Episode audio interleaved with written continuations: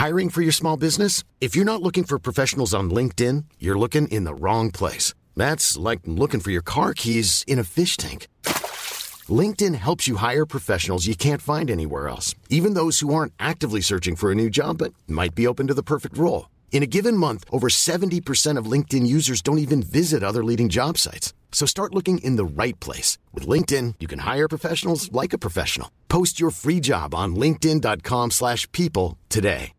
Hey, Dave. Yeah, Randy. Since we founded Bombus, we've always said our socks, underwear, and T-shirts are super soft. Any new ideas? Maybe sublimely soft. Or disgustingly cozy? Wait, what? I got it. Bombus. Absurdly comfortable essentials for yourself And for those facing homelessness. because one purchased equals one donated. Wow, did we just write an ad?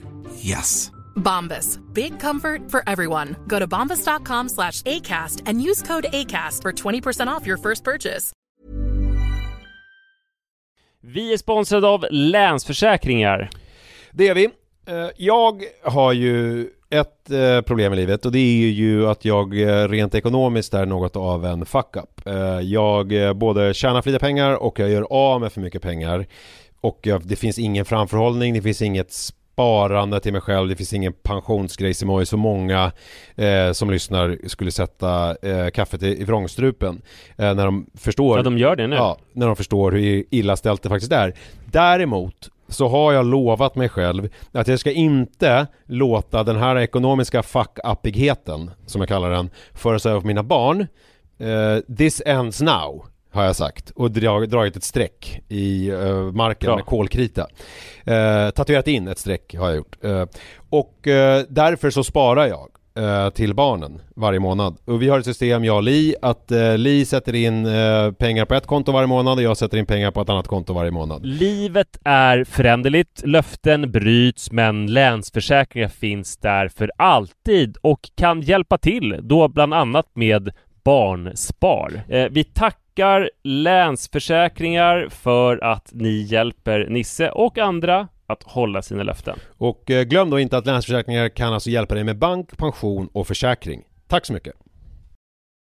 Vi är sponsrade av Joina som är ett nytt spel för dig som är över 18 år från Folkspel. Folkspel är ju föreningslivets ideella lotteribolag. Ni känner alla till Bingolotter och Sverigelotter som har tjänat ihop 17,5 miljarder till föreningslivet sedan starten 1991. Ja, och är det någonting som jag älskar med föreningslivet så är det ju att Eh, det ger upphov till liksom fysisk aktivitet och härliga upplevelser för mina barn. Det som är mindre eh, positivt är ju alla dessa högar med olika saker som man förväntas göra som föreningsförälder. Eh, jag vet inte hur många gånger jag har haft olika typer av lotter, tidningar eller andra grejer som ligger hemma och som jag tappar bort och som sen ska säljas. Det är godis, det är bullar, det är, ja, det är som sagt lotter och sen så slutar det alltid med att jag får hosta upp själv ur egen ficka för att jag har tappat bort allting och det blir ett himla krångel och meck. Det här kanske säger mer om mig än om själva eh, den här verksamheten. Men det är i alla fall ett problem för mig. Därför så älskar jag tanken på eh, Joina. Eh, eller vad säger du Manne? Ja, det här är alltså ett lotteri där man signar upp sig på, eh, på, på en prenumeration eh, där man har chansen att vinna varje vecka. Så föreningsbarnet då, eller föräldern, säljer en prenumeration till någon och varje månad då så tjänar föreningen pengar. Eh, väldigt, väldigt smidigt och man behöver inte hantera några fysiska pengar eller något sånt. Och det är också såklart eh, ett kul spel som man dock såklart måste vara över 18 år för att spela. Så om du eller din förening vill veta mer så gå in på folkspel.se joina med y och läs mer om det här smarta. Ja, det ska jag verkligen göra exakt just nu. Tack så mycket Joina.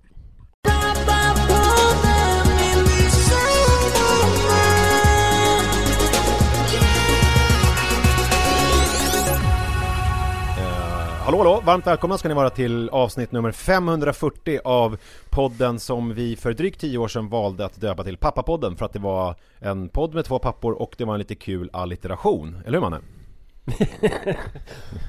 ja, jag tror, jag tror inte ens att vi behövde liksom tänka så här. nu ska vi hitta en alliteration, det ska vara någonting med pappa Mm. Men vad fan, nej det ska vara någonting med podd Mm. Men vad fan ska det vara sen? Ja. Poddpastorerna, nej det Ja, går ju nej, inte, det går vi, inte, vi är nej. faktiskt inte pastorer Nej. Poddprofessorer, nej det är inte riktigt sant. Poddpastejer. Det kan vi Men ha. du, det ska ju handla om pappaskap på något sätt, kan man inte hitta Ja. någonting kring det då? Finns Nej, det föräldraskap. Det inte- ska handla om föräldraskap. Kan inte... Ja precis. Föräldrar... Podd, fä, fäderpodden, nej det är ju inte någon nej. Fa- alliteration. Farsa, Helvete. farsa, farsa, Nej, det här går inget Nej. bra, vi måste Ja. höra av oss till någon, eh, någon cool reklambyrå så kanske Ja. de kan lösa det. Och de Ja. kom på Pappapodden så fick vi en faktura på 150 000 och resten är som man säger historia. Så är det. Ehm, jag har blivit eh, dumpad. Ja, Ja. det har jag förstått. Ja. Eh, jag beklagar, det Ja. var tråkigt.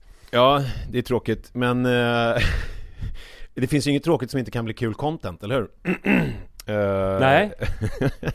Nej alltså det var ju, jag har ju dejtat en tjej nu ett tag och eh, så att jag liksom, nu har jag skilt mig och blivit dumpad liksom inom loppet av ett halvår. Eh, så att jag har Ja. verkligen... eh, Du är eh, jävla snabb, som Ja, vanligt. kä- känslomässigt eh, eh, så är jag med om mycket saker.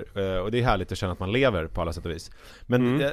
jag tänker ändå, eh, orkar inte gå in på någon detalj kring själva dump, Det var en dumperiet. person som jag träffade som är bekant med det som sa Han lever verkligen om det. Ja, var det det? Oj vänta, jävla hö- hörlurar, nu kopplade de ur. Hur, varför gör de det? Men det vet jag inte. Nu är jag tillbaka. Ja. Ja.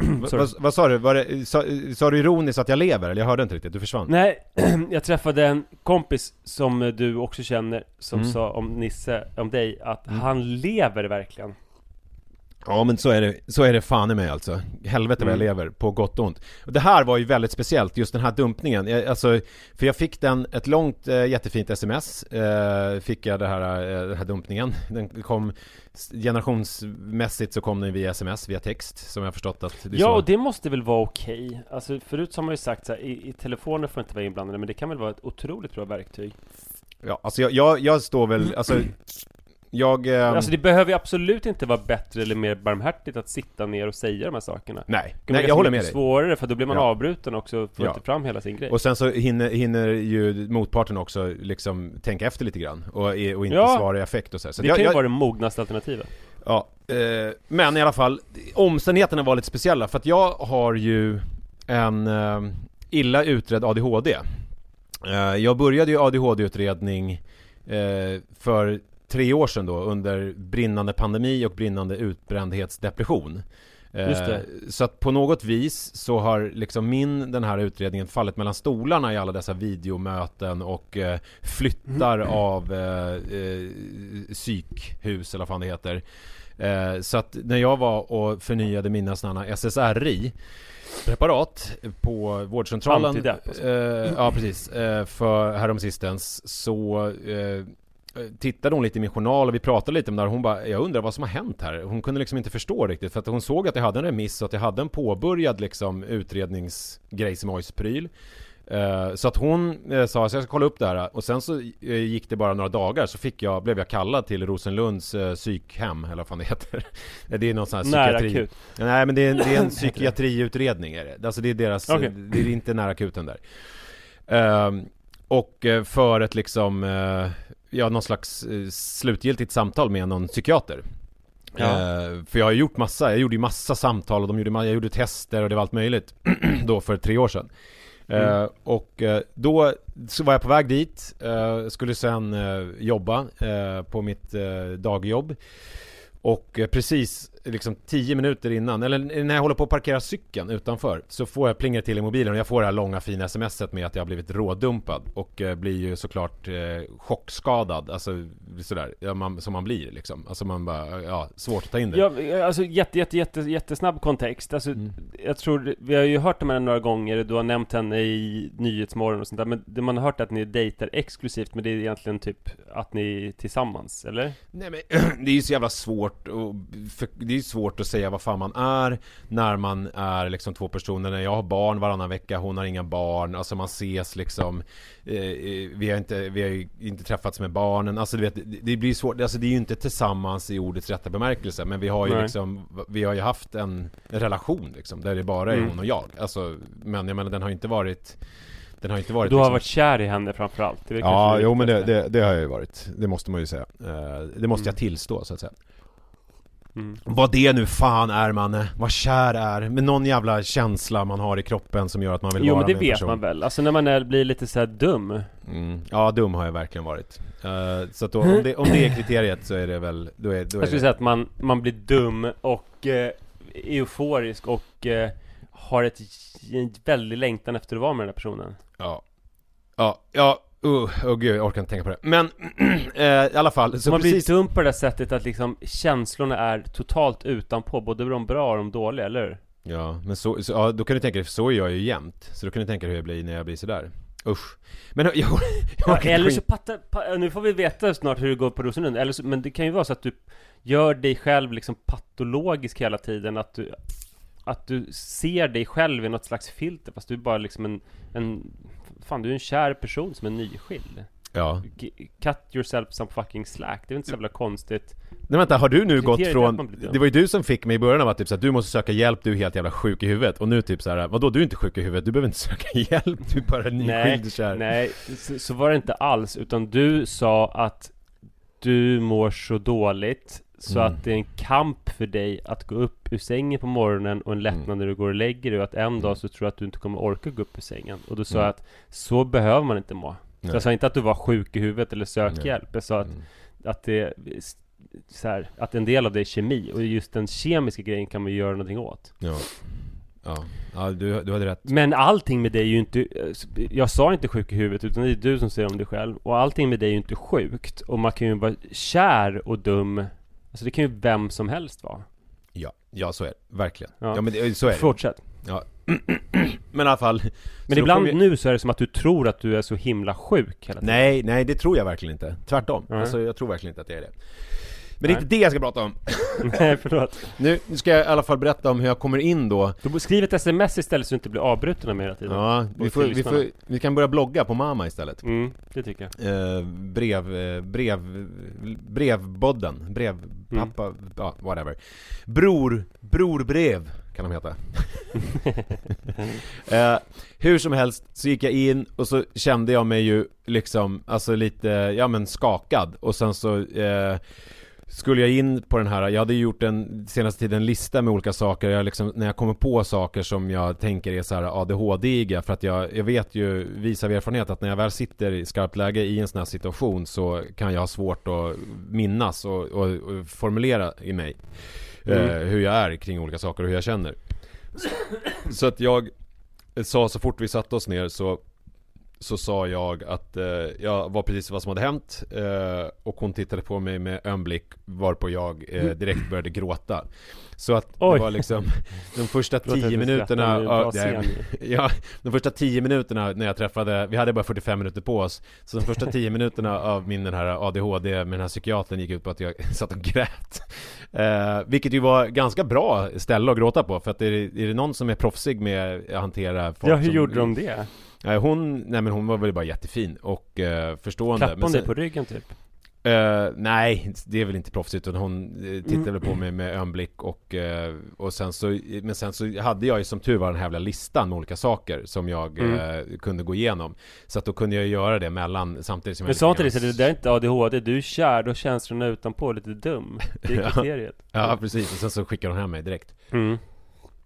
Nej men och sen eh, så gick jag igenom den där listan då Samtidigt som jag snurr, snurrblande satt där Men Mm. hon avslutade med att säga att så här, eh, eh, Att eh, hon har träffat många och jag visar eh, Jag visar många av de eh, eh, egenskaper som man kan se hos, hos vuxna som har ADHD eh, Det var så Men berätta om listan, det kanske är kul lista i podden eller?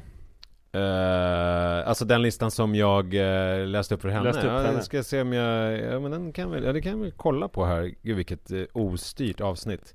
Och sen, men, medan du kollar på det kan du också svara på liksom hur fan mår du? Eh, nej men jag, Så alltså, inte bara blir liksom Nej men så här är det med mig. Jag kan säga så här. Jag är på ett ganska nytt ställe i mående att jag börjar känna mig mer och mer grundad och trygg. Alltså Mm. det finns en låt med Kjell Höglund som heter Genesarets sjö.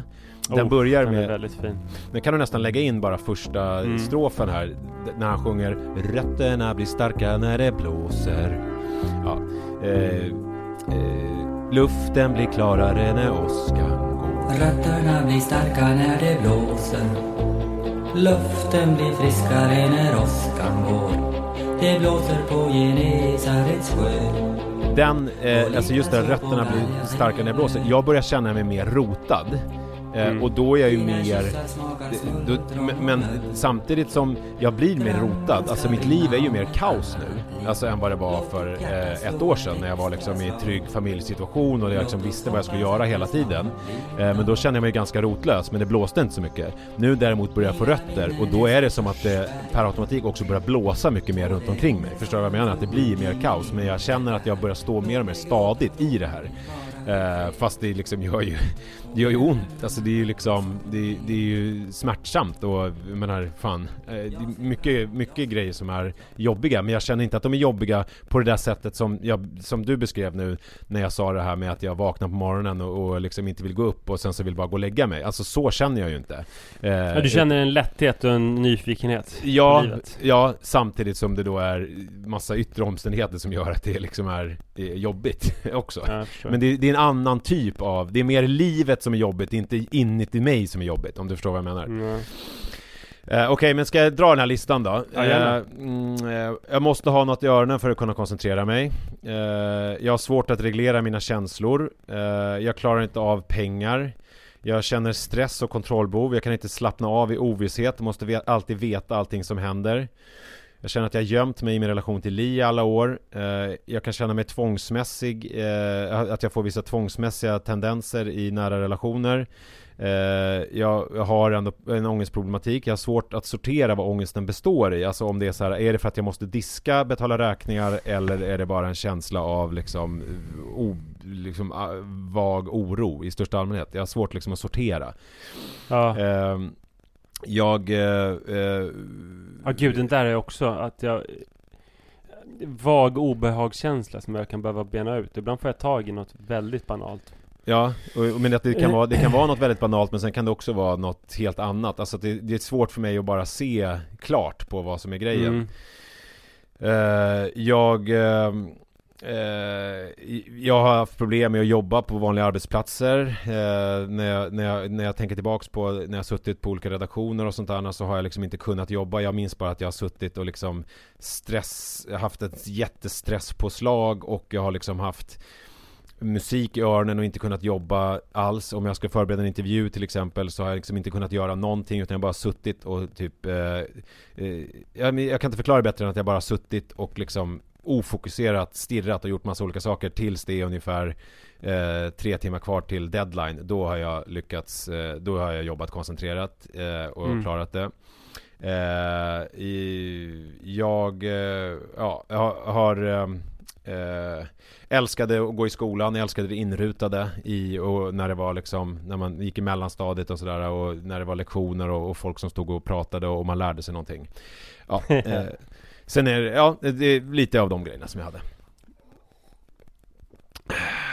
Ja. Det är skitspännande. Jag undrar om, om Mm. det är så att, alltså, det verkar ju som framgångsreceptet på en podd är att den ena världen är liksom straight och den andra är ADHD. Mm. Och att vår podd hade varit lite mer framgångsrik om det, en av oss hade varit straight. Du var ju liksom the straight guy från början. Men sen Ja. så slutade du vara det. Vi vi skulle behöva en som inte är så ADHD i den här podden. Ja, får ta så in, kommer vi eh, bli Filip och vi, Fredrik får, vi liksom. får ta in Adam Stenman. ja, vår läkarkompis som inte känns som han har ADHD alls. Men däremot tränar väldigt mycket. Ja. Eh, 10-15 timmar i veckan. Ja, han, lyssnar på podden, han har lyssnat på podden länge och han lyssnar på Springsnyggt och vi har träffat honom också så här. Så att det är därför han, Mm, han jag har nämns, till och med rest till. Norge med honom. Ja, Och så att det är därför vi room- nämner honom. Roommate med honom. Ja. ja men gud vad spännande. Jag, jag känner igen mig jättemycket i väldigt mycket av det där. Samtidigt som jag säger vissa saker absolut inte. Att inrutat, det fixar ju jag liksom inte. Nej. Eller ja, inrutat, det måste vara jag som har rutat in det. Ja. Och det gör jag ju att jag Typ om Till och med när jag var i Grekland en hel vecka utan barn Så var jag tvungen att så här, Göra ett extremt detaljerat schema av så här, vad jag skulle göra Mellan att jag kom hem från löpturen klockan 17.30 och att jag skulle äta klockan 19 liksom Ja. Men jag fixar inte riktigt om någon annan gör det där schemat Men det kanske inte är så olika i och för sig. Nej, jag- jag har ju haft- Som gör schemat. Men jag har ju haft det där schemat för mig själv jämt också som jag har gjort Alltså när jag har jobbat mycket hemifrån ju Alltså då har jag ju gjort eh, rigorösa scheman för hur liksom da- dagen ska se ut så att säga eh, nu, är, nu är det ju löst så tillvida att jag sitter, åker till ett jobb och eh, packar en bil och sen åker runt och levererar grejer till olika ställen. Det blir ju rätt inrutat också. Eh, Ja. På olika sätt. Och det trivs jag ju med också. Faktiskt. Sara har berättat någonting som, som jag känner igen mig väldigt mycket i, alltså Man ska inte hålla på? Och slänga sig mycket med diagnoser men hon är ju Osar ju väldigt mycket ADHD också, högpresterande ADHD på massa olika sätt men Mm. Hon berättade någon historia om att hon Alltså hela livet blir lite grann som Petson och pannkakstårtan liksom Exakt att, eh, och så där är det för mig också att hon Hon skulle typ sälja ett par skor mm. jag, jag kommer inte ihåg exakta exemplet så jag får skarva lite Men hon skulle väl sälja ett par skor Och så behöver hon tejp I förrådet Och så ser hon att det är ostädat Och så Mm. städar hon det Och så upptäcker hon rengöringsmedel Så kommer hon att tänka på att det är lite smutsigt i badkaret Och så fixar hon badkaret Och så, så här, det ena leder till det andra Mm. och sen så håller hon på och känner sig duktig och gör massa olika saker i en och en halv timme tills hon kommer på att hon skulle skicka de där skorna liksom. Just det Och så där är det väldigt mycket för mig och det blir otroligt mycket så på datorn. Alltså att man, de här, det är fruktansvärt svårt för min hjärna med olika flikar mm. på webbläsaren. Mm. Eh, så att som hela tiden lockar i vägen till andra saker. Men Ja. igår så, nu har jag haft så här ganska mycket jobb ganska länge för sig. Men nu är det någon slags eh, kulminerar nu innan allting ska stängas före sommaren och sådär. Och då Mm. upptäckte jag att jag kan använda det här till att jag om om alla impulser som man får har med arbete att göra Mm. så kan man bara köra en någon slags eh, stream of consciousness Att man Mm. bara eh, Så att det är en massa flikar Ja, när jag skriver mail till den Då kommer jag på att jag borde ju mejla till den också Så Mm. håller man på sådär liksom att eh, Så igår när jag åkte tåg Jag är i Hudiksvall nu Mm. Åkte tåg hit Och då körde jag ett race på Typ två och en halv timme där jag eh, Lät Den här ADHD-hjärnan om man slarvigt ska kalla den så Löpa amok Fast det enda begränsningen var att den fick inte liksom så här kolla på reels På folk som lagar mat i Japan Utan det, det fick bara, alla impulser skulle leda till arbete liksom Just det och det funkade fan rätt så bra. Alltså det blev ju roligt att så här. Jag skrev ett mail och det öppnade liksom jag, Då var jag tvungen att öppna tre flikar för att skriva mail till andra personer innan jag hade skrivit färdigt det första För att bara associationerna trillade vidare till andra personer som borde kontakta på olika sätt sånt där. Så att, eh, alltså det var inte helt dumt. Men apropå eh, Ja, men jag bara Hudik. tänker på det, men jag tänker Ja, på det med, nu slänger vi oss med de här ADHD-diagnoserna Ja, till ja, höger och vänster. Det är men jag väldigt vill- slarvigt. Men, men jag vill bara säga en sak med det, att det är, alltså jag, min grej är ju så här, eftersom jag upplever att jag har problem. Förstår jag vad jag menar? Mm. Att jag upplever att det liksom hindrar mig i min vardag och har eh, historiskt hindrat mig i, i mitt liv. Alltså Ja. liksom både karriär och med barn och på olika sätt. Så har jag ju, då har jag ju känt att så här, ja men då vill jag ju göra någonting åt det här. Alltså Mm. liksom, eh, men att man, att man har de här eh, tendenserna och att man är så här är ju liksom inte, det är ju inte så att alla måste, alla nu som känner igen sig i det här eh, behöver ju inte liksom söka hjälp om man känner att ens liv funkar. Men om man liksom känner att man har, det är väl lite det här som du sa till mig då för fem år sedan att så här, du behöver inte ha det sådär, alltså på morgonen, Nej. det behöver inte vara så här jobbigt. Jag menar, och det är väl det jag tänker att så här, om man känner igen sig i det här och har upplevt att man har problem med att klara av sitt liv då är det faktiskt, jag menar min erfarenhet nu av eh, att söka hjälp med, alltså första linjen psykiatrin via vårdcentralen och sen bli slussad vidare. Nu var det ju stökigt här nu i och med pandemin och allting så att det, det, men det är väl ett, liksom ett undantag. Det finns faktiskt hjälp att få och de är väldigt förstående eh, och så, alltså när man kommer till vårdcentralen och liksom ber om hjälp. Det viktigaste är ju att man har på papper lite grann vad man har för problem, att man faktiskt spaltar upp så man inte bara går dit och säger så här, ja men jag, jag mår inte, jag känns inte så bra, utan man måste faktiskt liksom sätta sig ner och spalta upp exakt vad det är man har för problem så att säga, som Mm. man vill ha hjälp med. För att annars blir det svårt att gå vidare. Men, men, men jag rekommenderar alla som lyssnar att faktiskt ta tag i sådana här saker om man upplever att man har det liksom jobbigt på riktigt. Sen kan det ju vara att man har, alltså man är högfungerande och man är en person som trivs i det där kaoset och man har liksom ett fungerande liv. Då tycker jag, då är det ju fine. Alltså det är väl inget konstigt, det är bara att köra på.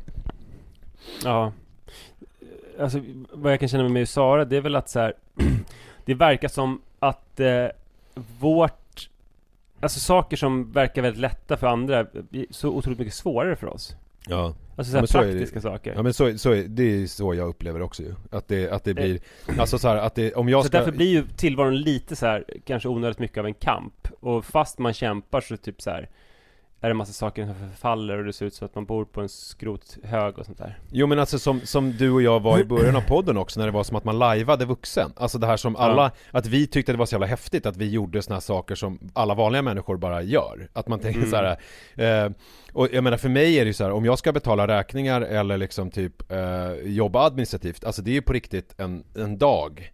Alltså en dags ansträngning och liksom och att det är, som kräver återhämtning Alltså förstår du vad jag menar? När man, för, för att det så mycket, krävs så mycket koncentration från min sida och liksom fokus Mm. Och det är ju så här. Det tycker jag ju är Det tycker jag känns lite onödigt Att det ska behöva vara så det, jag, jag lägger hellre den energin på någonting annat Eh, Ja, verkligen. Och för, för mig har det varit också så här utmaningar när barnen har blivit äldre med alla typ så här bara eh, mail från deras träningar och sånt Ja ja ja jag tror att- allting. Det känns som att jag håller på att bli jävligt mycket bättre. Inte på allt, men just på den grejen. Eh, admin och sånt där, betala räkningar, sköta sånt. För att hela livet är en sån extrem liksom exponeringsterapi. För att jag Ja. lever så jävla mycket i det. Så att jag har blivit tvungen att bli ganska duktig. Ja. Och jag har liksom jag är liksom inte sen med räkningar förut. Det är ju bara två år sedan då hela lådan var full av oöppnade brev från de senaste två åren och sånt. ja. Så att det, det går framåt. Ja det är bra Ja men Eh. eh, så att, eh, ja nu hamnade vi i det här Men eh, alltså, så att jag eh, Jag blev dumpad, gick in på psyket och grät Det var sammanfattningen kan man säga Ja, det är, en scen som vi bär med oss.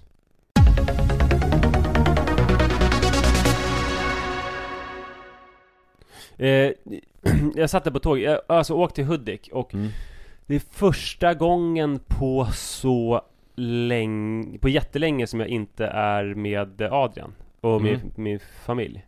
Jag drömde problemet- om både Adrian, dig och Iris i natt Vi var Mhm. på Gotland, fast vi var också i fjällen och eh, eh, eh, eh, Adrian, jag lekte jättemycket med Adrian men sen kräktes han över hela mig och över hela golvet Vilket jag tyckte var onödigt Och sen så Iris Det var ju kanske lite eh, märkligt för att hon var som att hon var mycket yngre för att hon ville leka Mm. med Barbie och bygga något så här stort Lego Friends hus med Duplo-grejer som vi hade där Ja, det händer Eh, inte så ofta längre. Nej, och sen så var, var eh, de här eh, liftarna var formade som eh, små flygplan.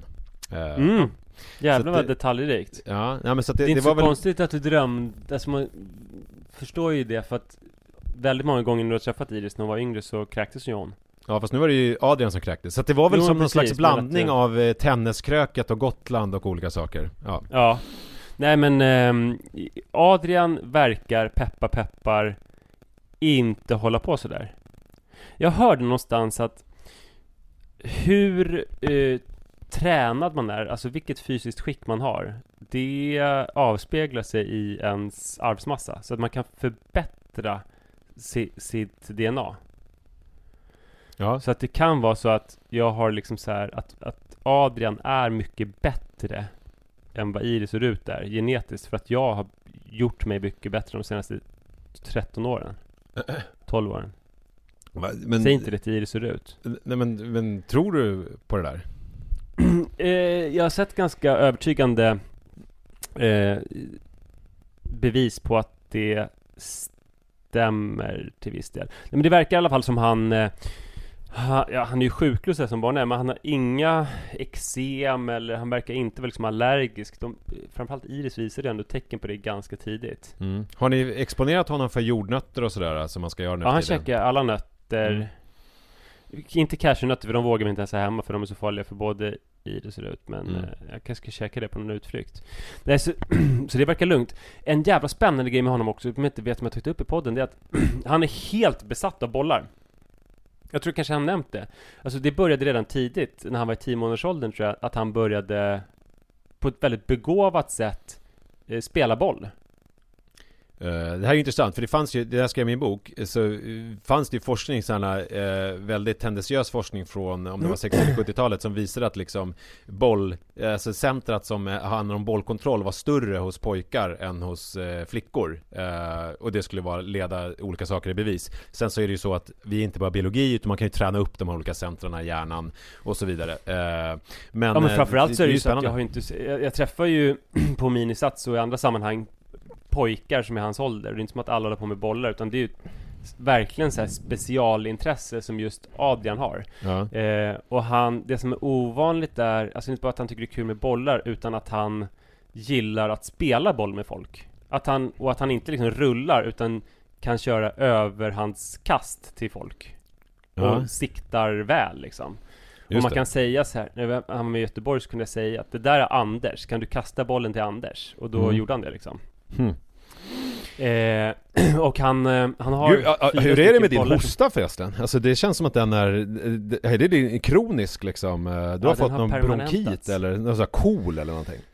Ja, jag vet inte fan, det är nog typ 3-4 veckor nu som jag har haft hosta TBC? Ja, Mm. nej det är nästan så jag behöver kolla upp det Jag sprang ju första 23 kilometerna av Stockholm Marathon förra veckan när jag Mm. inte riktigt var frisk, men trodde att jag var det. Men då, jag fick jättebakslag, så jag har varit väldigt sjuk hela veckan och haft svinont i huvudet, så att det har gjort jätteont att hosta i huvudet. Amen. Så att jag behövt så här, ta Alvedon och Ipren för att palla och hosta, för annars gör det för ont i huvudet att hosta. Vidrigt. Min hosta är över i alla fall, för jag hade ju också en otroligt jobbig rethosta där förra veckan. Ja, men, just det. men eh, fortsätt nu, eh, förlåt, det var bara ett stickspår här med host, hostspår. ja, nej men han, eh, han vallar sina bollar. Eh, han har fyra stycken olika som han gärna vill ha tillsammans. Mm. Så att han ska vara redo att spela. Och Ja. han har också så här, det har ju tagit lång tid för honom att börja gå. Men det som fick honom att ändå se till att börja gå var att han ville spela fotboll, inte bara med händerna. Ja, ja, ja, han, det började med att han satt ner och började sparka bollen. Men så kunde han, nöjde han sig inte med det för han tyckte det såg så coolt ut. När jag sparkade på bollar Så Mm. att han ställde sig upp och började sp- sparka bollar. Alltså det är helt fascinerande, jag har aldrig liksom Eftersom jag aldrig har varit intresserad av bollar överhuvudtaget så är det så spännande att på nära håll ha en person som är besatt av det. Tyvärr så är det så på minisats som vi bollar Och de berättade igår när han var där att han hade vaktat alla bollar. Ja. Att det var en pojke som hade velat ta en boll Och då hade han i princip börjat liksom morra. Eh, För att det var Han hade tagit alla bollar till ett hörn av rummet Och så satt han liksom och bevakade dem Vilket är ju jävligt ocharmigt. Han är så otroligt charmig på andra sätt Men det är ju inte supercharmigt att vakta alla bollar på minisats Men har du kontaktat eh, någon sån här eh, Hammarbys ungdomsakademi eller någonting och ställt honom i kö eller har han fått liksom, har, har du vidtagit? Nej eh, men jag måste ju typ göra det. Ja, Men det, jag, jag, jag, jag, eller jag tänker att basket är väl roligare.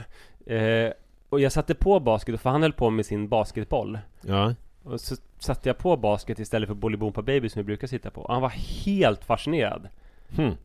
Alltså han, det var det mäktigaste han hade sett. Det var så highlights från NBA Och han var jävligt imponerad måste man säga.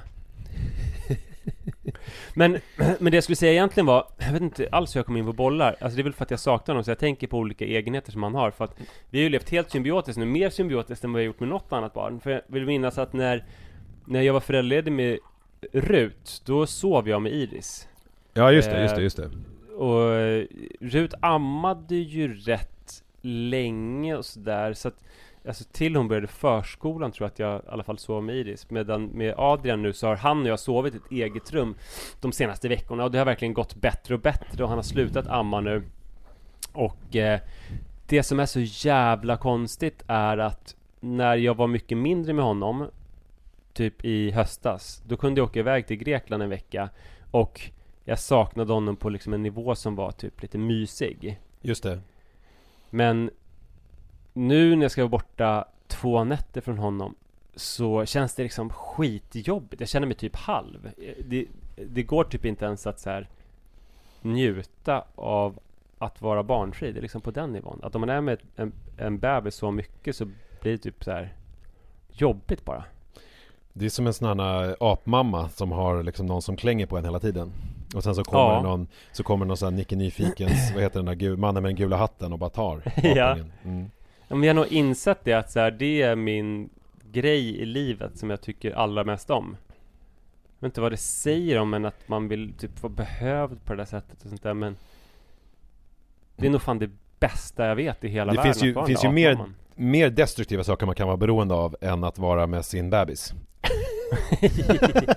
Är det sant? Det borde, borde ju du veta Ja, kanske. Mm. Jo, jag har nog varit besatt av, av värre grejer. ja. Nej men det är helt sjukt hur mysigt det är. Sen blir det också lite extra starkt. Jag berättade väl här om veckan om när vi åkte till Göteborg. Allting var så himla jobbigt, man feber och att han sov dåligt på nätterna. Men Liksom, man kommer ut på andra sidan och allting är bara gos och mys och allting funkar. Vi var på något möte igår.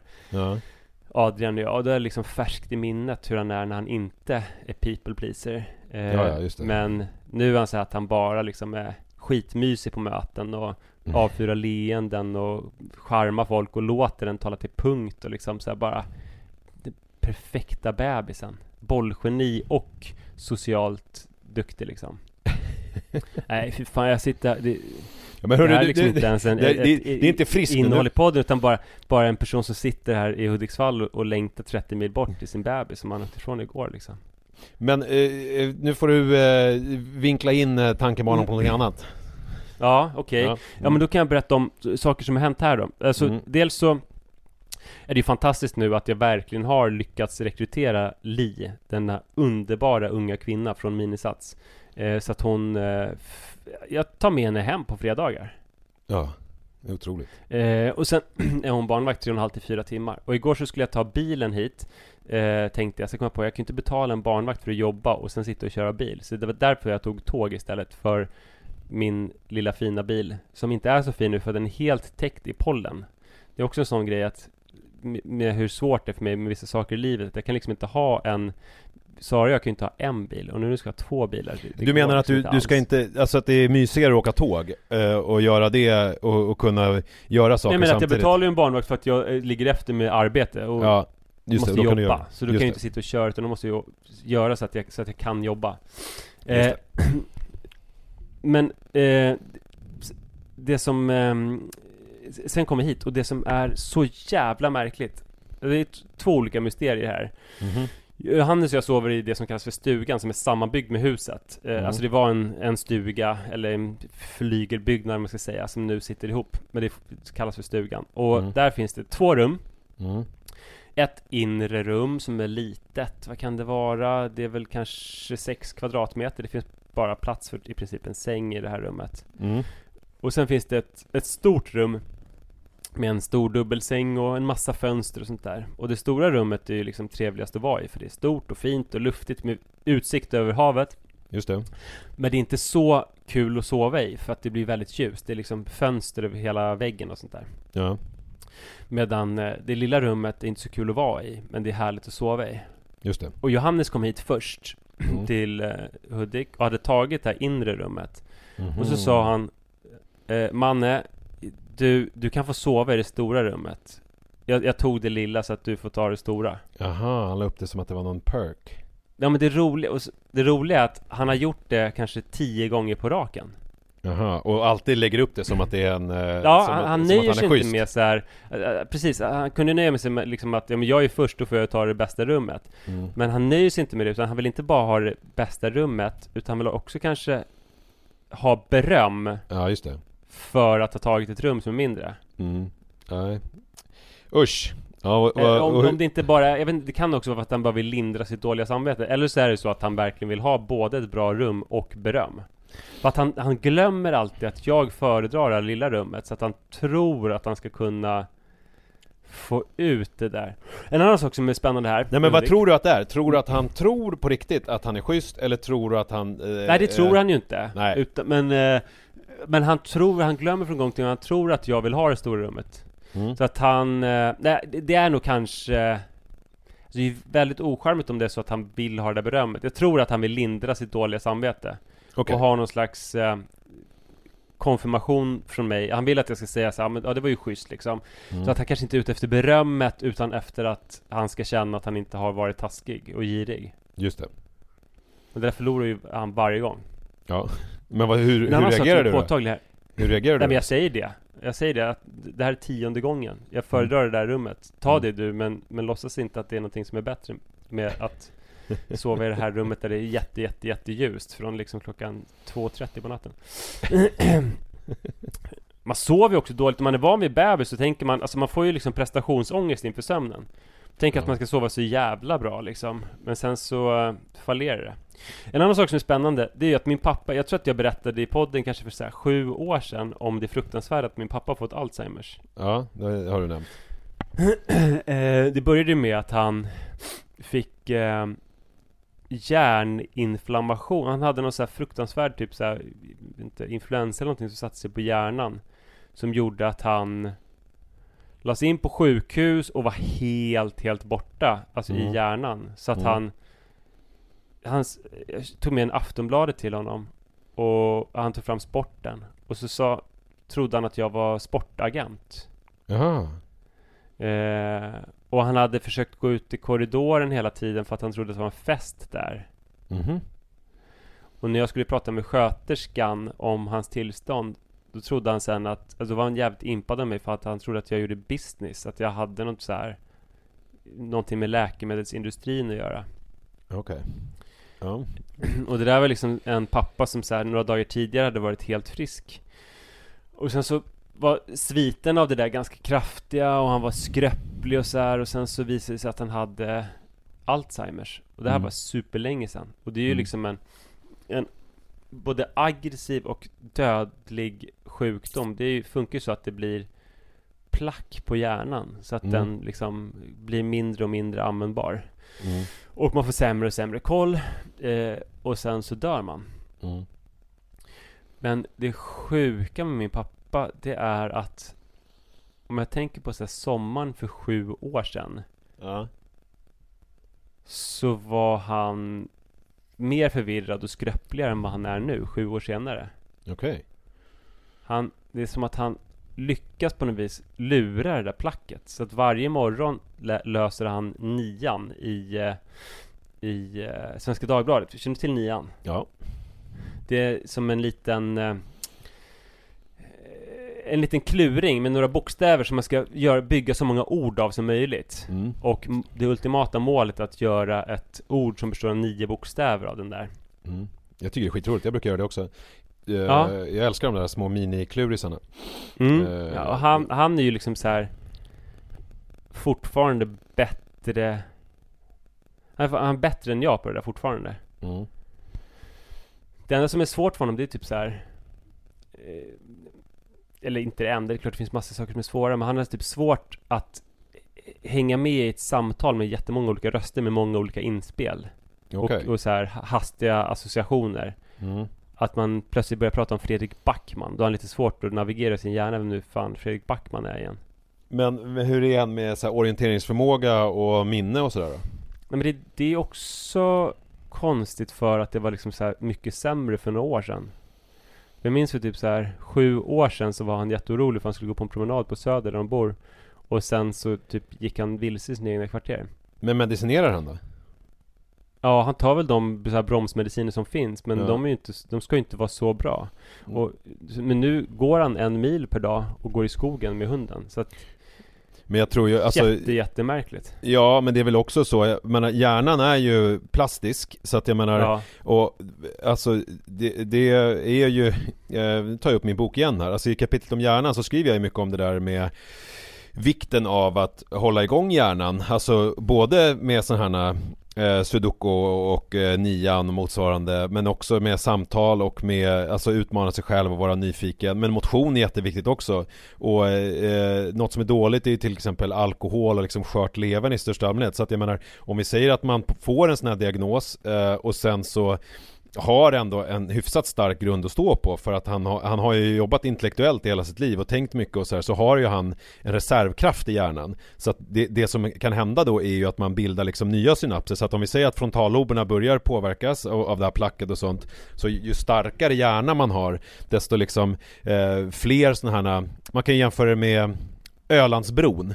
Alltså om du tar eh, liksom att det bara finns en bro mellan Kalmar och Borgholm eller fan den där jävla bron går eh, Och sen så går den sönder, då blir det svårt att ta sig över. Men har man fler broar så kan man ju ta andra vägar. Så det är möjligt att det liksom också kan Och med hjälp av bromsmedicinerna och med motion och med liksom En annan livsföring så kan det ju bli att man eh, Blir starkare eh, Man håller på att få en liten extra hjärna som sitter på den vanliga hjärnan. Ja men, eh, eller framförallt så får man ju mer, eh, mer eh, broar mellan de olika Men du har hört om Henrik Fränkel va?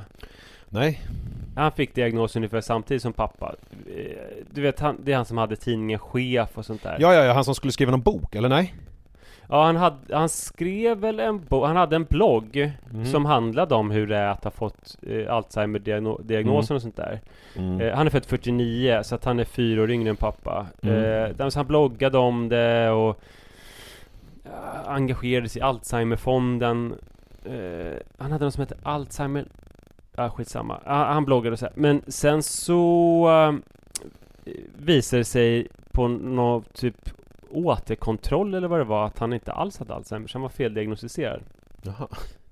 Så fick han livet tillbaka. Men precis strax därefter fick han en obotlig cancer. Nej men. Fan. Oh! Otroligt Ja, det var i, i ett år bara, alltså det var ju kortare men i ett år trodde journalisten Henrik Frenkel att han skulle dö i Alzheimers Men, men cancern, då. men lever han nu eller är han? eh, ja, han lever men eh, de har inte ändrat den diagnosen Usch.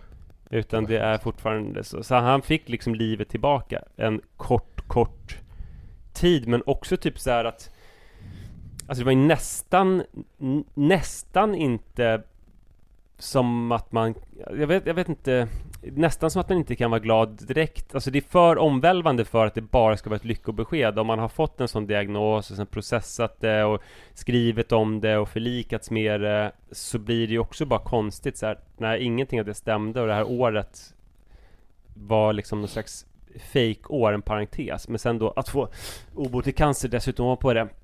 Men eh, vad fan skulle jag säga? Var någonting som jag tänkte säga eh, om min eh, kära far. Ja, du har ju pratat om hans Alzheimer nu. Ja, ja nej jag vet inte. Nej men det, det kommer väl komma, så man får bara vara, vara extremt glad över varje dag som det puttrar på på det här sättet. För att Jo, det jag skulle säga att, att hela hans liv är ju något slags hjärnträningsläger. De har ett fascinerande tillvaro, mamma och pappa. De är ju pensionärer sedan rätt många år. De är alltså, jag vet inte hur gamla de är födda 45 och 46. Mm. De är 77 år gamla då. Ja. De går upp på morgonen och hämtar tidningarna och sen så sitter de och så gör de frukost. Pappa har sin hemkokta marmelad som han är väldigt stolt över.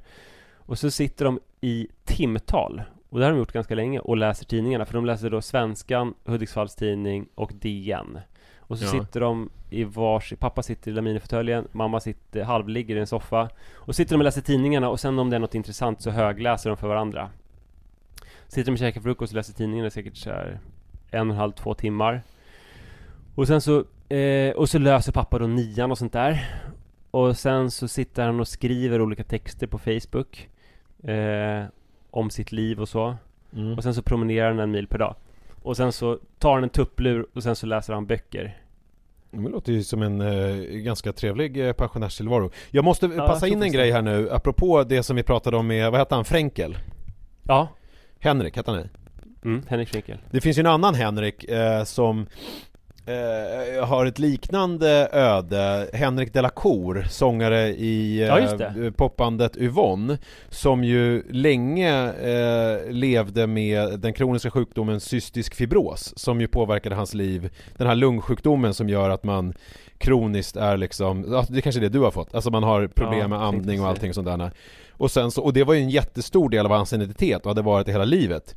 Och sen så helt plötsligt så testade han en ny medicin som gjorde att han blev fri från symptomen. Och han har ju mm. beskrivit eh, otroligt starkt hur det liksom hur han tog farväl av döden och att det liksom blev hela hans identitet. Alltså det verkligen blev som en, det blev en kris Att han liksom inte längre var liksom dödligt sjuk i en kronisk sjukdom som begränsade hans liv en mass. Och helt plötsligt befann sig i en situation när han var, ja men, eh, lite mer som alla andra eh, Och Mm. det är ju, det, det är ju liksom Det är ju en liknande upplevelse och det där är ju jävligt fascinerande alltså Jag det är ju jobbigt när saker också som man identifierar sig med inte och speciellt liksom utåt sett är en del av en identitet. Jag kommer ihåg hur det var när jag, när Li blev gravid första gången 2007, när det sen blev missfall. För jag blev ju direkt, eh, eftersom jag är som jag är då, eh, och, eh, så blev jag direkt eh, en pappaprofil i mitt eget huvud.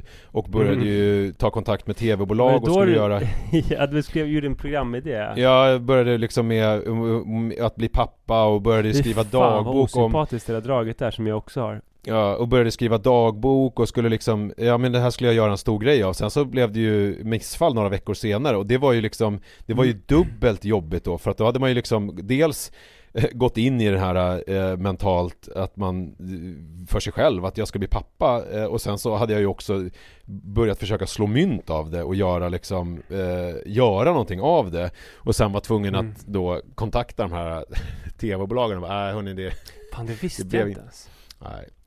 Nej, det är väl för att det kanske tillhör en del av de mörkare vrårna i min hjärna som jag kanske inte alltid Du- du- tycker om. Du behöver, alltså förutom att liksom sörja och trösta Li Mm. så, så att du ringde produktionsbolag och sa nej, det blir inget, det blir Ja, missfall." typ. Ja, typ. Exakt så. Mm. Ja, jävlar. Ja, det är tungt. Det är tufft. Men Ja. får jag lätta upp lite med en eh, lista i tre punkter som avslutning? ja, det vill jag gärna höra Ja, Alltså det är, den är kanske lite destruktiv, men den är också lite kul. Det är Alltså det är en eh, lista i eh, tre positiva grejer med att skilja sig. Ja Eh, är du beredd? Ja det finns ju den här Happy Happy eh, Mm. Bokantologin om att det är nice att skilja sig Jag tror jag börjar med de mest destruktiva och sen så avslutar jag lite mer positivt. Eh, Mm. det, det, det, det första det var att jag igår kväll kom hem ganska tidigt. Jag var hemma vid 10 eh, och det var fredag kväll och jag var ensam. Och jag eh, gick på whiskyn och eh, satt eh, och drack massa whisky och lyssnade på musik ashögt i hörlurar och blev ganska jävla packad. Och jag tycker att det, jag har ju liksom ett litet så här kontrollbehov så jag har ju svårt att när jag är ute på lokal att liksom leva ut Alltså fylla, eller vara liksom full men hur skönt det är att sitta helt själv, inte ansvar för någonting förutom sig själv på balkongen och ha ashög musik i hörlurarna, dricka whisky och röka cigg och bara vara så här. Hade jag, hade jag liksom en vakt sett mig så hade jag blivit utslängd på en gång för jag sitter liksom och bara typ så här blundar och bara och är liksom så här riktigt liksom för mig själv full. Eh, det, det är ju... jag, jag får panik när jag hör det Jag har Ja. supit så jävla mycket själv Ja, Eh, ja, det, det, det, det har inte jag gjort. pappa som nämndes nyss har också gjort det och jag vet hur jävla farligt det är Ja. så att, ja, Nej, eh, och, men och, för mig- så för mig- Dessutom så sa du här om veckan så här att du har slutat med sig för att det funkar så bra med vape Ja men eh, nu har jag blivit dumpad så nu har jag rökt ett halvt paket på ett, ett dygn. Eh, Fan, ja alltså det, jag uppskattar ärligheten i listan men jättevarning alltså Ja, men det är en eh, positiv, eh, en positiv grej med att vara eh, själv då. Eh, och sen en annan positiv grej som ligger i samma linje, det är att jag kom på igår också att jag behöver inte sitta på balkongen och röka. Jag är ensam hemma, det här är min lägenhet. Så då kunde jag liksom lägga mig i sängen och röka och kolla på tv-serier samtidigt. Vilket ju också var otroligt eh, mysigt. För det, det är ju svårt att göra om Jojo ligger bredvid och sover. Det känns ju lite väl eh, destruktivt. Så det var ju också Mm. en, en positiv upplevelse. En liksom... Det har man ju sett så här typ i anslagstavlan och sånt där när det gick, hur bra det är med sängrökning Monica Zetterlund dog ju i sängrökning, eh, ja, det finns ju en rad namnkunniga skådisar Jag trodde ju länge att Per Oscarsson dog i sängrökning Men det visade sig att han antagligen var offer för, eh, det här är liksom obekräftade rykten, för någon mordbrännare Som hade jävlar. eldat upp olika hus där i, i, i de faggorna. Men det är som sagt obekräftade rykten. Eh, ja, men så att det är är den andra positiva grejen då. Det är ju två ganska Ja man kan ju i och för sig vara ihop med en sängrökare. Jo men jag tycker att det, Jag tycker att det är svårt att, jag, jag har svårt att röka inomhus när barnen är här Jo men du lever ju varannan vecka Jo, Alltså jo. som en, ja, ja i och för sig med skilsmässa var det ja. precis, Ja. du skulle ändå falla under skilsmässa om du hade en flickvän som älskade rök i sängen ja. Ja, Mm. Eh, ja, och sen så den tredje grejen som jag tror du kommer ändå gå igång lite mer på Det var för att jag har ju nu sprungit två gånger och, och det känns helt okej i höft och knä Eh, Mm. Eh, Men jag har tagit det väldigt lugnt. Men sen så efteråt när jag kollat på eh, sammanfattningen så bara Men fan vad, jag har ju sprungit mycket fortare än vad jag brukar Fast det har känts väldigt lugnt. Alltså att det liksom är Jag har liksom tagit det lugnt och jag har inte känt någon liksom eh, att jag går för hårt på eller någonting utan det har bara varit, jag har sprungit i så här 5.15, 5.20 tempo för de som bryr sig. Och mitt lugna tempo brukar ju vara alltså mer 5.45, 6 alltså Mm. eh, när jag liksom mer lunkar runt eh, och jag har inte förstått riktigt vad det här är och sen så, eh, så var jag hemma hos Li och käkade middag på nationaldagen och då sa hon att hon tyckte att jag såg smal ut. Jag bara, "Ha, ja ja, jag har inte tänkt på det liksom. Eh, så, men då testade jag, för hon har en våg, så testade jag att väga mig. Visade att jag har gått ner 7 kilo. Oj! Eh. Så då, det kan ju förklara att det känns lite lättare att springa om man tar av sig en ryggsäck som väger 7 kilo. Eh, så jag vägde, jag vägde ju Satan. 93 kilo, nu vägde jag 86. Eh, Helvete så att det var ju, och Vad det har är du ju, för förklaring till det då? eh, Att du ja, inte lagar så mycket mat? Ja, att jag inte har alls samma aptit. Jag har varit liksom, alltså också eh, lite upp i varv, eh, kär, eh, olycklig, alltså alla olika sådana här typer av symptom.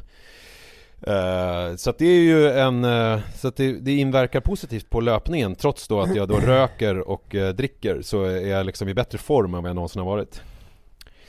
Lite grann kanske beroende på hur man definierar form. Eh, ja, men om man definierar form som i att jag kan springa fortare eh, med eh, samma ansträngning som jag tidigare eh, behövde av, använda då för att Mm, springa. Otroligt att du inte har upptäckt att du har gått ner 7 kilo. Du brukar ju också vara så jävla liksom viktstabil. Ja, nej alltså jag har Har du ju inte märkt på kläderna att de sitter väldigt löst? Jo, faktiskt så har jag, inte på, inte på alla kläder, men jag hade en kostym. Jag var ju på Anna Bennicks 50-årsfest och då hade jag en kostym som jag tyckte satt lite slappare i midjan än vad jag minns. Mm. Men det var liksom, det är väl, alltså, det är ju inte, jag har ju aldrig varit, jag har ju aldrig varit liksom eh, inom citationstecken tjock. Alltså jag har väl bara Nej. varit mer kraftig liksom. Eh, nu är jag väl mer slank på ett annat sätt. Men det är ju inte så att det, det är inte som att det har försvunnit någonting stort på något visst ställe så att säga. Utan det är väl mer Mm. att det har liksom eh, försvunnit lite överallt. Eh, och det är ju ganska... Fan spännande Måste känna på det snart Ja men vi, vi ska ju få till en liten dejt, du och jag. Ja. Jag har ju också nu börjat drömma om dina barn, så det är väl ett tecken på att det är Ja. dags. Verkligen Det är ju en illa dold hemlighet, eller det är väl en hemlighet i största allmänhet, att jag fortfarande inte har träffat Adrian eh, live. Nej Eh, och det, Nej, jag gud, tänker vill att det, prata om det ja, men det känns, eh, det kommer hända nu. Det kommer hända snart, Mm. jag känner det, det vibrerar, det ligger i luften. Jag Eh, tror han kommer gilla det Han fick träffa Niklas Berg nyligen ja, eh, Som också är en man som är liksom Ganska stor man i 40-årsåldern som är mörk och har liksom skägg och grejer som händer mm. Och eh, jag tänkte att han nog skulle tycka att Niklas såg rätt läskig ut Men han tyckte Niklas var helt fantastisk Och älskade Niklas. Men Niklas har ju, alltså till skillnad från mig så har ju Niklas ett väldigt, väldigt snällt eh, utseende. Han ser ut som ett, eh, ett gulligt eh, troll på många sätt. Eh, Ja det, är, det, är, det ja. är sant. Jag Det är ser sant, ju, jag tänkte nog att han var alltså, såg ut som ett troll Men det är sant att han ser ut som ett gulligt troll, det är det. Jag ser ju mer ut, alltså mitt eh, resting bitch face ser ju mer ut som någon eh, galen serbisk mördare typ Jag minns när Iris träffade första gången Hon blev ju fullkomligt skräckslagen Japp På Zinkensdamm där när hon var typ eh, ja, Vad var hon? Åtta månaders åldern mm. Och att jag, när jag Det var- försöker le och prata gulligt, att det blir, mer blir som någon så här eh, farlig sjörövare som, stä, Ja. som eh, något riktigt varggrin och bara, Jaha, hej." ja. Nej men jag ska försöka ta det försiktigt med Adrian så att han eh, men, men du, hur tar vi det vidare med den här listan då med Supa sig full ensam och sängrökning och viktnedgång? Eh, alltså nej, det var bara eh, tre positiva, alltså alla ni som funderar på, precis alla ni som eh, känner att ni lever i ett äktenskap och ni lite Jag som tvi- kanske har läst Happy Happy men ändå inte känner sig helt övertygad Ska jag verkligen skilja ja, mig? och som tvivlar lite på om skilsmässa är någonting för dem Så är det här tre, tänker jag, punkter som liksom kanske får det, vågskålen att tippa över så att säga. Så att man tar steget ut i friheten. Ja. Ja, verkligen. Jag, jag minns, ensamsupande gjorde jag hela tiden, men jag minns när det var som mest komplicerat var när jag spelade tv-spel. Eh, jag minns att jag spelade, nämnt kanske i podden, jag spelade GTA i någon så här multiplayer mode. Mhm. Och eh, träffade någon kille som jag började hänga med och han tyckte det var så sjukt att jag inte kunde köra liksom rakt på motorcykeln. Att jag, att jag liksom inte kunde hålla mig på, det var ändå GTA men det var liksom så här att han bara, liksom vad är det för fel? Och så fick jag berätta att jag var jättefull. Sen var det också så att jag, jag spelade något boxningsspel Ja. Eh, på- liksom på natt, hela natten när Sara hade somnat och vi hade väl ätit någon ganska alkoholindränkt middag och jag fortsatte dricka med ensamhet och så hade jag någon karriärmode Ja. som var så här, du vet jag hade lagt ner så mycket tid på att ta mig dit jag var i det här boxningsspelet Mm. och sen satt jag liksom och drack Fernet för mig själv en hel natt och bara sumpade hela min boxningskarriär för att jag blev sämre och sämre och sämre och sämre på att boxas. Så det var jättedumt att Men- eh, passa på att spela tv-spel när jag söp. Men, men nu tycker jag att du tar upp de negativa aspekterna av ensamsuparna på ett sätt som jag inte liksom alls Jag vet inte eh, varför jag jämt skulle spela tv-spel just, men eh, det positiva var väl alltså den otroliga lätthet som jag kände och eufori efter typ andra glaset när jag lagade mat. Det var så det var sällan jag kände något jättepositivt kanske när jag var superpackad. Ja, nej men jag, jag, jag kan ju det- jag har ju nästan aldrig gjort det. Eh, och ja, men om man nu skämt åsido så är det väl ingenting som jag eh, kommer liksom fortsätta med. Men det är ändå... Det, hoppas jag, för det är ju lite grann som du berättade så här. Jag började med heroin och det var faktiskt mycket skönare än vad folk brukar säga. Jo men du måste ju också se, du ser ju saker med dina glasögon, alltså du får komma ihåg, när vi träffades, då kommer jag ihåg, det minns jag tydligt att du sa att du var så imponerad över när vi åt middag ihop ute, att jag kunde dricka typ ett eller två glas bara och sen så var det liksom bra. Alltså jag har ju inte det där... Ja men sen lär du känna dig för det, även om så här. Du har ju verkligen inte spottat i glaset Första middagen som du och Liv var hemma hos oss så blev du skitfull Och jag var inne och kollade på din YouTube-kanal Där ligger det liksom uppe klipp där du är aspackad ju Va? Ja, Vad är det för, vad är för YouTube-kanal? Vad är det för klipp? du hade en YouTube-kanal förut Och det Ja. finns ett klipp där också så här kommentarerna så här, Hur full är du egentligen? Men så vadå, vad gör jag för någonting? Prata med Li om Ja, du jag tror, tror prata med Li om hur hon tycker det är att exponeras i dina kanaler Och du är liksom ganska ordentligt påstruken Va?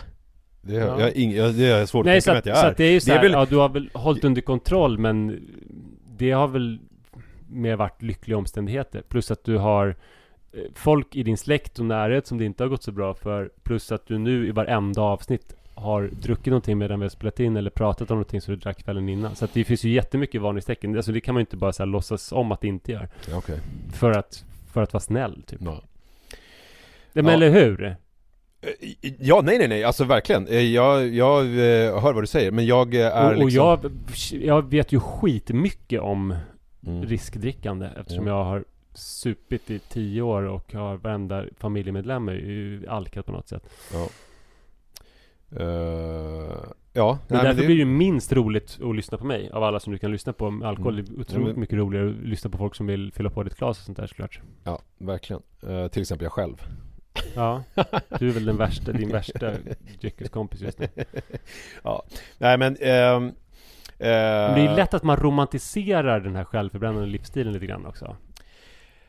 Uh, ja, uh, det blir det ju. Men för mig är det ju, du måste ju också tänka, alltså du måste tänka in i min situation. Alltså när man har levt som jag har gjort, alltså i 22 år, liksom ganska instängd och aldrig har levt ut, så är det ju så här, jag, har, jag ser det ju som att jag liksom ger mig själv, uh, I, I cut myself some fucking slack. Att jag får göra saker och också göra lite misstag och göra, eh, liksom göra lite dumt för att jag också lär mig jättemycket om mig själv.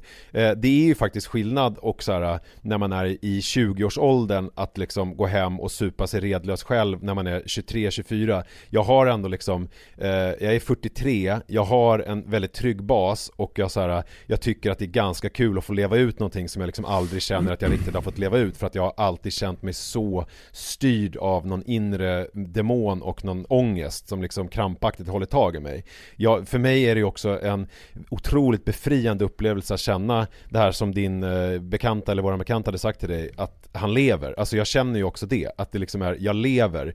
Eh, och det är ju inte att, jag, jag har ju inte levt det här livet i liksom, sen jag var 20 utan det är någonting som jag har hållit på med nu sen skilsmässan i november. Så jag tycker ändå att man så här när jag ser mig själv utifrån så är det så här, om jag fortsätter så här som jag lever nu i liksom ett, två år, ja men det är klart att det är problematiskt. Men jag känner faktiskt nu att jag har börjat hitta en helt annan balans i hur jag eh, lever när jag har barnveckor och när jag är barnfri. När jag tidigare liksom mer levde när jag var barnfri som att jag liksom eh, som att jag var 20. Så är ju nu när jag är barnfri, även då är jag en pappa eh, som liksom eh, är hyfsat balanserad och när jag har barnen så är jag också lite av en 20-åring som är lite obalanserad. Alltså att jag försöker hitta det där, eh, hitta den balansen. Så att jag tror också att det är det, att det är en viktig eh, fas som jag går igenom eh, faktiskt. Eh, om jag ska se mig själv utifrån.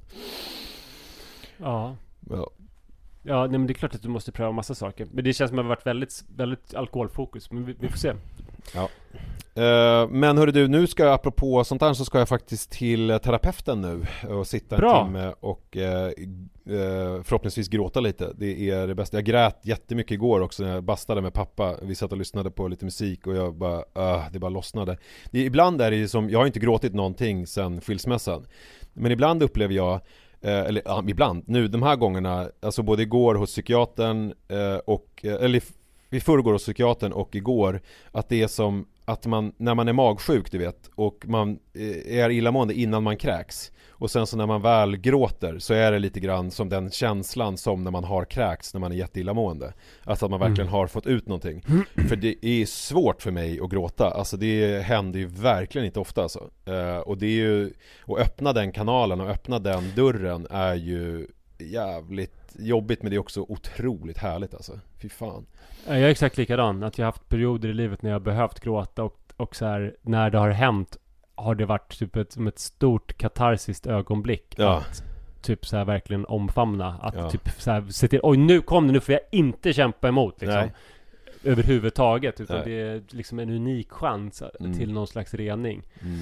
Jag är jätte, jätte, jättebra på att gråta av saker som är lite sorgliga, typ Micke och Molle eller Disney-filmer. Men, Men så det här, är ju något det annat. Verkligen gäller, ja precis, Ja, när det, det verkligen gäller så, så, så har det varit väldigt svårt. Har väldigt svårt för män som säger att de säger men jag gråter när jag på, kollar på film typ uh, Alltså det är ju, för det är ju något annat Alltså det här som när man sitter och har lite konvulsioner och bara saker bara kommer uh, okontrollerat ur en Alltså det är ju Det är ju verkligen som att skratta fast tvärtom så att säga Alltså att man liksom inte riktigt kan kontrollera det Nej. Det är ju, ja det är underbart alltså men eh, Manne Forsberg, det är som vanligt otroligt trevligt att prata med dig och det är ju kul också att folk vill lyssna på det när vi gör det. Eh, Ja, Ja. det tycker jag de ska fortsätta med. Ja, det är kanske nästa vecka till och med. Verkligen. Ja. Hej då! Hej! Imagine the softest sheets you've ever felt. Now imagine them getting even softer over time. That's what you'll feel with Bowl and Branch's organic cotton sheets. In a recent customer survey, 96% replied that Bowl and Branch sheets get softer with every wash. Start getting your best night's sleep in these sheets that get softer and softer for years to come. Try their sheets with a 30-night guarantee. Plus, get 15% off your first order at bowlandbranch.com. Code BUTTERY. Exclusions apply. See site for details. Hi, I'm Daniel, founder of Pretty Litter. Cats and cat owners deserve better than any old fashioned litter. That's why I teamed up with scientists and veterinarians to create Pretty Litter. Its innovative crystal formula has superior odor control and weighs up to 80% less than clay litter. Pretty Litter even monitors health by changing colors to help detect early signs of potential illness. It's the world's smartest kitty litter. Go to prettylitter.com and use code ACAST for 20% off your first order and a free cat toy. Terms and conditions apply. See site for details.